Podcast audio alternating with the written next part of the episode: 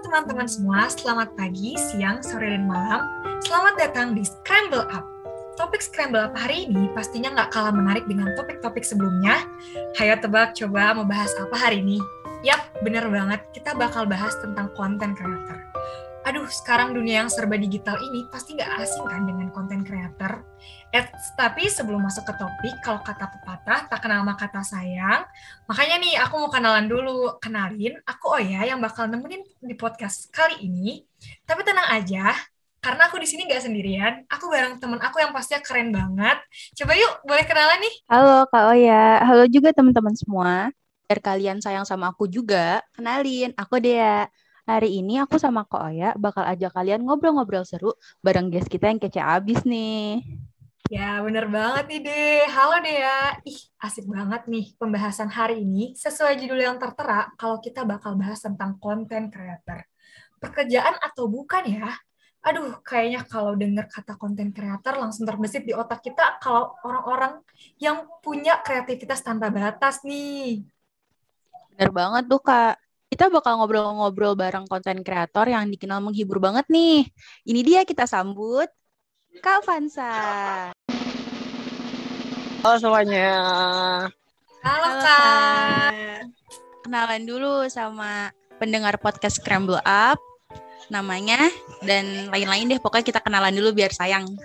Aduh. Oke oke oke oke. Oke guys, jadi perkenalkan dulu namaku Naufan Saudi Fikri biasa dipanggil Bengek. Terus aku domisili di Solo sih. Aku sekarang sebagai content creator di TikTok sama di Instagram gitu. Oke deh Kak. Nah, tadi kalau misalnya Kakak punya nama ini ya Kak, nama panggung. Kalau nama panggung kalau boleh tahu siapa Kak namanya Kak?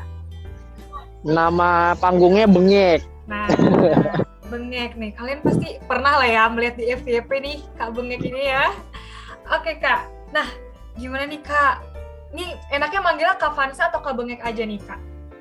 Kabengek aja dong biar akrab juga okay. kan gitu kan. Boleh boleh kabengek aja nih. Nah kabengek gimana nih kabarnya sekarang sama boleh dong diceritain kesibukannya nih sekarang ini ngapain aja sih kak? Alhamdulillah sekarang baik-baik aja. Untuk kesibukan sih aku aku masih masih buat-buat konten-konten aja. Terus uh, apa namanya? Karena kan masih ppkm gini juga, jadi kalau buat ngumpul-ngumpul kan juga masih kurang apa ya kurang bisa diterima masyarakat gitu takutnya kan menyebarkan virus COVID-19 gitu. Nah, nih kan aku kalau Kak Vansa tuh dari Instagram sama TikTok ya Kak. Kalau boleh tahu nih Kak, ya. gimana? Awalnya kakak tuh terjun jadi konten kreator. Terus kenapa milih nama panggung Bengek? Oh, kalau soal kalau soal itu sih aku pertama itu kan aku lulus SMA itu nggak pengen kuliah yang jelas.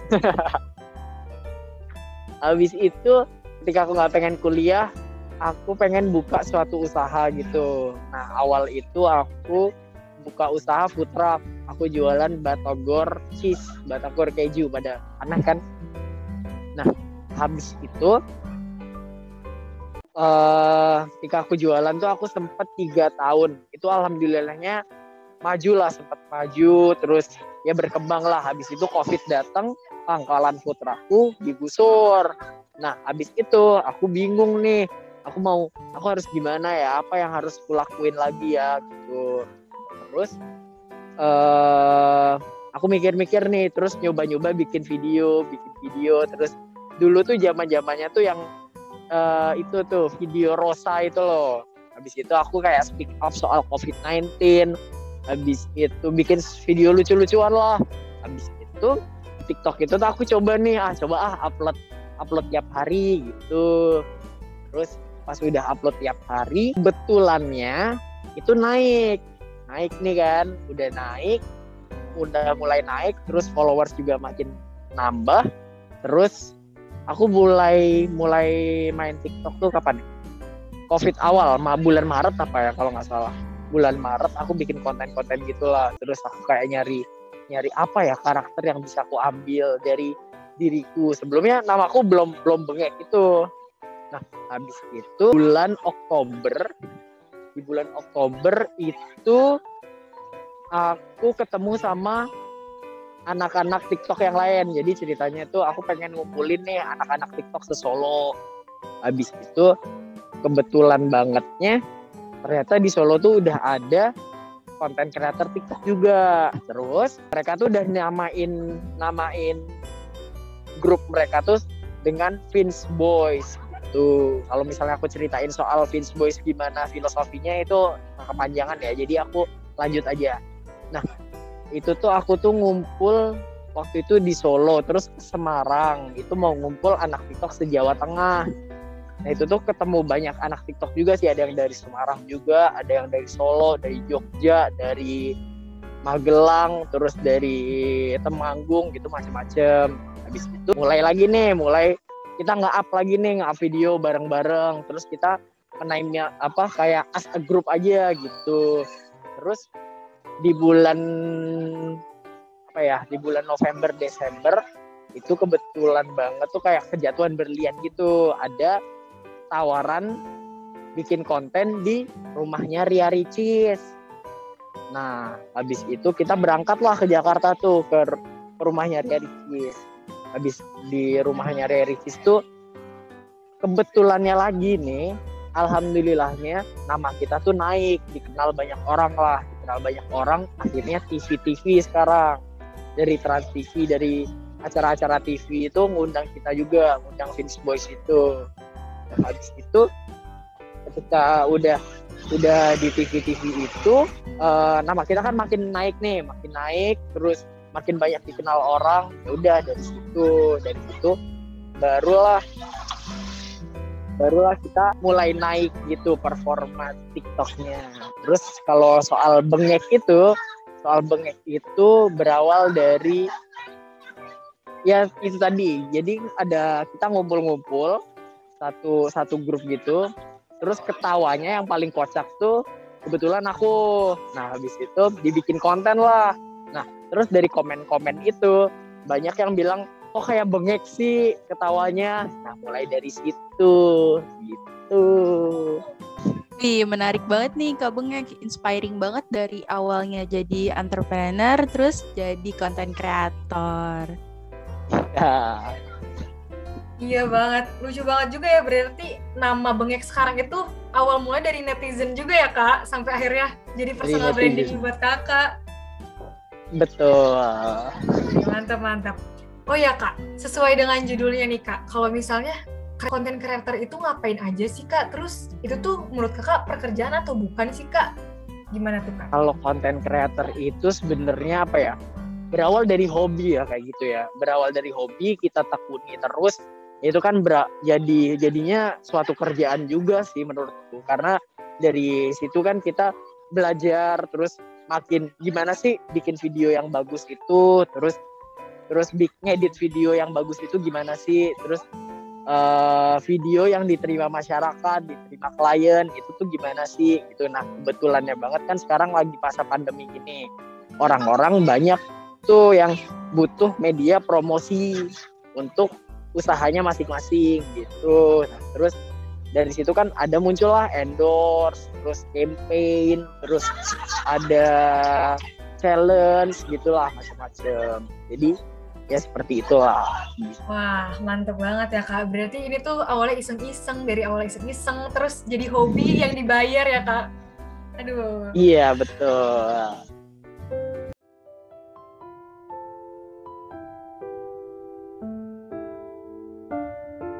Nih Kak, kan kalau aku lihat di Instagram, di TikTok, itu kan kontennya Kakak mostly soal ibu dan anak, terus komedi gitu ya Kak, yang relate gitu sama kehidupan sehari-hari. Nah, kalau boleh tahu tuh, kenapa ya akhirnya Kakak memutuskan menampilkan konten-konten kayak gitu? Oke, kalau soal itu sih awalnya dulu aku itu kepikiran jadi beberapa karakter. Bisa jadi anak-anak, bisa jadi ibu-ibu, bisa jadi bapak-bapak, bisa jadi jadi cewek, jadi apa pun itu. Habis itu aku munculin kayak ide-ide apa sih yang biasanya anak-anak anak-anak muda waktu nongkrong tuh ngapain aja, terus ketika di rumah tuh sama orang tuanya tuh ngapain aja yang biasanya orang-orang itu tuh mengalami hal itu gitu. jadinya aku ambil aja lah ah coba bikin kayak gini kebetulannya banget alhamdulillahnya juga naik tuh diterima sama orang-orang terus banyak yang banyak yang bilang kayak relate bang relate bang oh ya udah berarti bagus nih bisa diterima nih sama masyarakat gitu. Tapi kalau boleh jujur itu based on kehidupan kakak nggak sih sama ibunya kakak? Oh kalau yang yang akhir-akhir ini aku uh, ngambil dari apa ya? Ngambil dari inspirasi komen-komenan gitu-gitu. Banyak yang bilang kayak uh, enak ya punya punya ibu yang bisa bisa nemenin terus. Terus ibuku udah ada yang udah nggak ada, ada yang udah apa? Ada yang ad, masih ada tapi kerja mulu sibuk terus. Nah habis itu aku ngambil dari situ. Tapi sebenarnya uh, dari hidupku sendiri sih alhamdulillahnya lagi nggak kayak gitu oh iya menarik banget nih kak oke deh Oke, emang kalau misalnya ide-ide tuh sebenarnya lihat dari keadaan sekitar kita ya kak, dan akhirnya sekarang dari kehidupan yang relate jadi bisa uh, menjadi konten yang besar juga ya buat kakak. Nah tapi selama, oh, ya selama kakak uh, bikin konten kayak gitu kan pasti adalah kak suka dukanya gitu ya menjadi konten creator nih. Kalau misalnya bikin konten harus propertinya ini segala macam kan mungkin cukup ribet nih kayak nah boleh dong yeah. kak diceritain nih suka duka kakak sebagai konten creator tuh apa sih kak? Kalau sebagai konten creator itu kan sebenarnya kan hobiku juga ya. Jadi aku ngelakuin itu tuh enjoy aja. Cuman minusnya kadang sih uh, konten aku kan kayak juga ada actingnya gitu ya. Ada acting main ya istilahnya kayak short movie lah gitu. Cuman yang bener-bener minimalis banget. Nah cuman ketika itu tuh paling minusnya tuh kayak misalnya lagi ada masalah lagi ada masalah gitu yang harusnya kontennya itu tuh ceria ketawa gitu jadi aku nggak bisa ngikutin itu. Walaupun aku bisa memaksakan ketawaku cuman itu kalau dilihat ah bukan gue nih kayaknya. Ini jelek banget sih parah sih. Ini ini kayak nggak nggak masuk hati aja kurang kurang mendalami gitu sih. Ya I see I see. Emang kalau buat mendalami peran harus gitu ya kak. Harusnya agak pura-pura tapi gak apa-apa deh demi menghibur. Tapi seenggaknya kakaknya menjalaninya dengan senang dan enjoy ya kak. Betul. Aku mau tanya nih kan uh, setiap content creator itu punya uh, personal brandingnya masing-masing gitu. Contohnya uh, Kak Benge kan lucu banget gitu ya, menghibur banget. Tapi menurut kakak, apa sih kak yang paling penting dimiliki sama content creator? Content creator itu kan ya, ya pertamanya ya niat bikin video, terus uh, ini kan berarti kayak di dunia hiburan masuknya entertainment ya. Kalau misalnya entertainment tuh kan banyak tuh cabangnya. Ada yang mau jadi iklan, mau jadi model, mau jadi main film layar lebar, main sinetron segala macam macam-macam kan.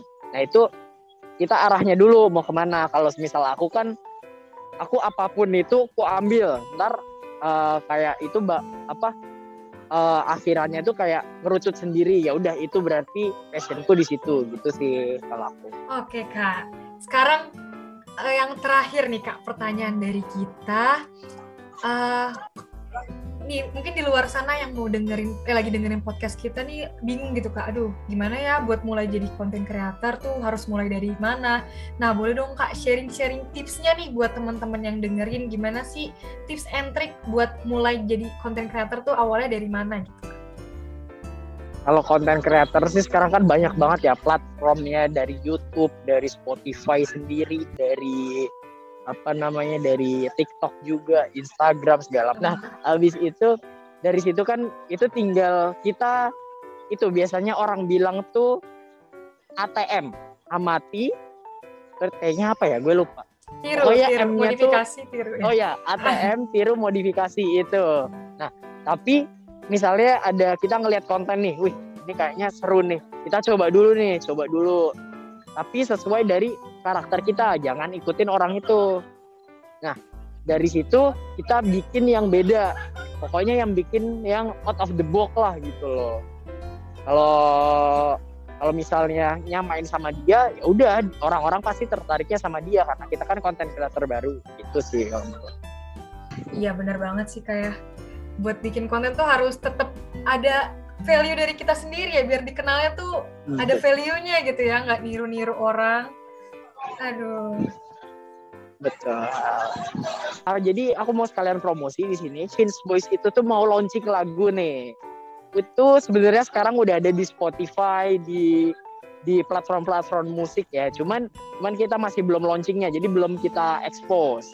Nah, kita tuh launching itu di tanggal 13. Kebetulannya lagi ada undangan dari pagi-pagi ambiar Trans TV. Jadi jangan lupa nonton juga. Nah, terus juga jangan lupa dengerin musik kita, Vince Boys. Judulnya kenal di sosial media. Asik, gitu aja. Thank you.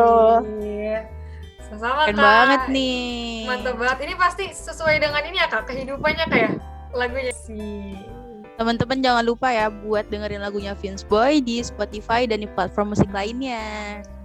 Betul. Terus doain aja sih, aku juga mau bikin single gitu kan sendiri atas nama Naufansa Audia Fikri. Wih, di mantep banget ya. Semangat ya beralih, kak. beralih menjadi penyanyi ya Kak. Keren-keren. Ini kalau nyanyi tetap Kak Bengek atau Kak Vansa nih kita manggilnya? Oh, kalau kalau di dunia musik sih kalau misalnya bengek aku rasa kurang diterima ya. Soalnya kan biasanya banyaknya pak artis-artis itu ya pakai nama aslinya gitu. Oke deh Kak. Naufansa Audia. Sang penyanyi Iya, betul. dan konten kreator. Mantap, mantap. Amin. Amin ya, semoga. Aduh, makasih banget ya Kak Bengek, Kak Vansyah, penyanyi handal dan udah mau nyempetin hadir dan diskusi nih sama kita sharing-sharing. Aduh, makasih banget ya Kak. Iya, ini kurang-kurang masih masih banyak cerita sebenarnya. Lagi dong, nanti ada part 2-nya gitu kan. Iya, aduh sayang banget sumpah Kak. Kalau udah ngobrol-ngobrol gini tuh kayak pengennya panjang ya. Tapi melihat durasi, loh kok kayaknya udah jam segini. Bener banget. Nanti mungkin kita bisa adain lagi nih Kak ngobrol-ngobrol santai abis singlenya keluar. Oh iya. Boleh. Mantap banget. Guys, sayang banget nih guys. Kita udah ada di penghujung podcast dan diskusi kita harus berakhir di sini. Iya nih, bener banget. Aduh, kayak tadi aku ngomong ya, kalau misalnya ngobrol-ngobrol kayak gini tuh suka nggak inget waktu, cepet banget rasanya. Banget Kak. Ya kan? Bener banget tuh kata Kak Oya. Jangan lupa ya teman-teman untuk selalu dengerin Scramble Up. Bakal diupdate setiap hari Sabtu. Yes, see you di podcast-podcast selanjutnya. Dadah!